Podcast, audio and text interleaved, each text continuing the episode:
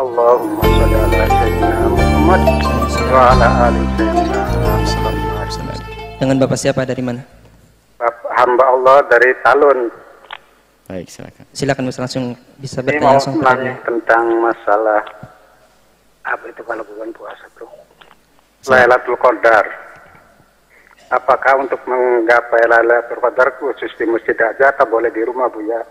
Dan berapa waktunya itu dari jam berapa sampai jam berapa? Begitu aja Bu ya. Assalamualaikum warahmatullahi wabarakatuh. Waalaikumsalam warahmatullahi wabarakatuh. Disepakati para ulama Lailatul Qadar adanya di bulan Ramadan. Dan di antara bulan Ramadan disembunyikan oleh Allah. Itu tanda kasih sayang Allah disembunyikan, tidak diberitahu. Kalau Lailatul Qadar diberitahu maka berantakan dunia ini. Anda mau ke pasar nggak bisa, sopir angkot juga nggak mau. Dia akan pergi cari Lailatul Qadar. Yang masak pun nggak mau, Anda nggak makan. Warung nggak jualan karena semuanya pengen Lailatul Qadar. Karena disembunyikan Allah, Alhamdulillah. Disembunyikan jadi yang kerja-kerja, yang nyopir-nyopir. begitu. Kalau dikasih tahu oleh Allah, Lailatul Qadar besok malam, wah bubar semuanya. Nggak ada orang mau kerja, lapar semuanya nanti. Maka kasih sayang Allah Lailatul Qadar disembunyikan. Dan karena disembunyikan, kita tidak perlu sok tahu. Tapi Nabi mengatakan kalau di 10 akhir bulan Ramadan adalah arja. Tapi mungkin sekali di awal Ramadan, mungkin di Ramadan dan seterusnya. Akan tetapi ketahuilah bahwa di 10 akhir Ramadan itu sangat diharap. Artinya di semua Ramadan kejar Lailatul Qadar. Karena mungkin di awal dua, kedua, ketiga. Tapi di saat 10 akhir lebih ketat lagi kita mencekatnya. Kemudian di antara itu yang ganjil lebih ketat lagi. 21, 23, 25, 27 dan seterusnya, 29. Menurut Madhab Imam Syafi'i, 21 lebih banyak diharap. Bukan dipastikan, cuman repotnya sekarang sebuah masjid memastikan Lailatul Qadaran tanggal 21. Maka lihat, semua masjid yang biasa mengadakan gaya Lailatul Qadaran hanya ramai di hari itu saja, setelah itu pasti sepi. Ramainya di hari yang ditentukan, Lailatul Qadaran di mana? Di masjid A, Kapan? Besok malam 21. Ramainya luar biasa. 23 diajak ngeramein lagi nggak mau. Alasannya apa? Aku sudah dapat Lailatul Qadar. Padahal Nabi tidak begitu ngajarinya. Nabi kalau sudah masuk idadah kalau asral awakhir min Ramadan yugidu ahlahu.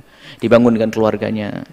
Syamir thawbahu menyencingkan lengan baju dan seterusnya itu baginda Nabi kalau sudah masuki 10 akhir Ramadan beliau membangunkan keluarganya dan beliau beribadah dengan dengan lebih lebih banyak lagi Itulah Rasulullah SAW jangan sampai kita hanya memilih-milih. Yang namanya orang kalau memang Anda merasa yakin perlu, anggap saja ini loh ya.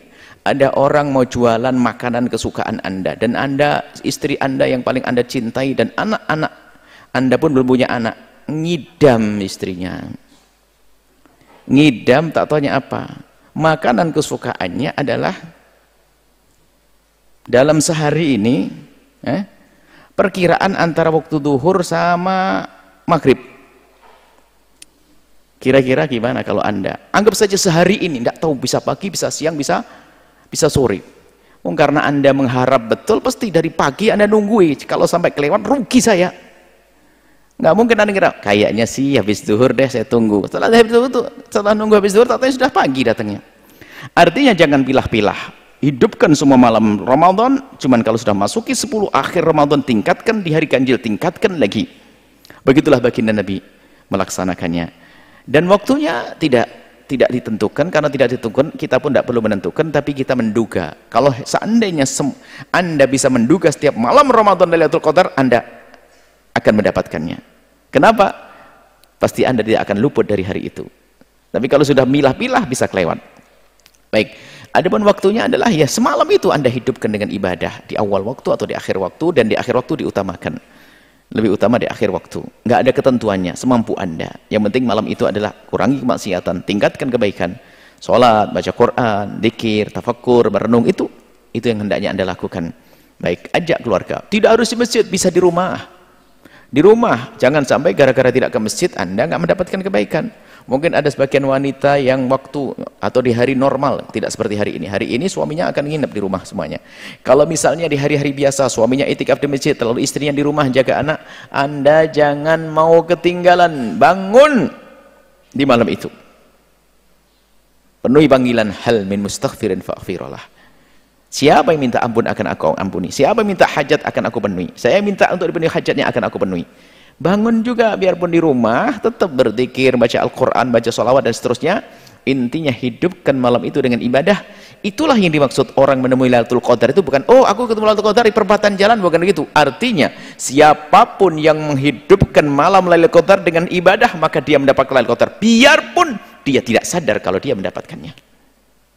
Itulah, biarpun ini catatan, biarpun dia tidak sadar kalau malam itu Lailatul Qadar dan dia tidak sadar kalau dia mendapatkannya.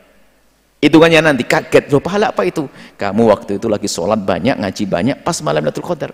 Jadi orang menemui Lailatul Qadar tidak harus tahu. Malah yang suka ngomong tahu itu benar enggak? Yang perlu dipertanyakan. Oh, aku di malam hari melihat terang benderang. Luar biasa. Hai, kayak Imam Nawawi waktu itu. Ya, ini mulai aneh-aneh. Iya Imam Nawawi ahli ibadah puasanya banyak ini. Lain teh siapa? Bahkan ini perlu dirahasiakan hal-hal yang semacam ini. Kalau kita mendengar cerita ulama melihat tanda-tanda semacam ini, itu hanya sekedar beliau ceritakan untuk memberi motivasi yang lainnya, bukan untuk pamer aku sudah ketemu Lailatul Qadar aku. Jadi seorang menemukan Lailatul Qadar bisa jadi dia sadar dan bisa jadi tidak sadar. Bisa jadi dia tahu dan bisa jadi tidak tahu. Bahkan mungkin tidak tahu tapi dia mendapatkannya. Wallahu a'lam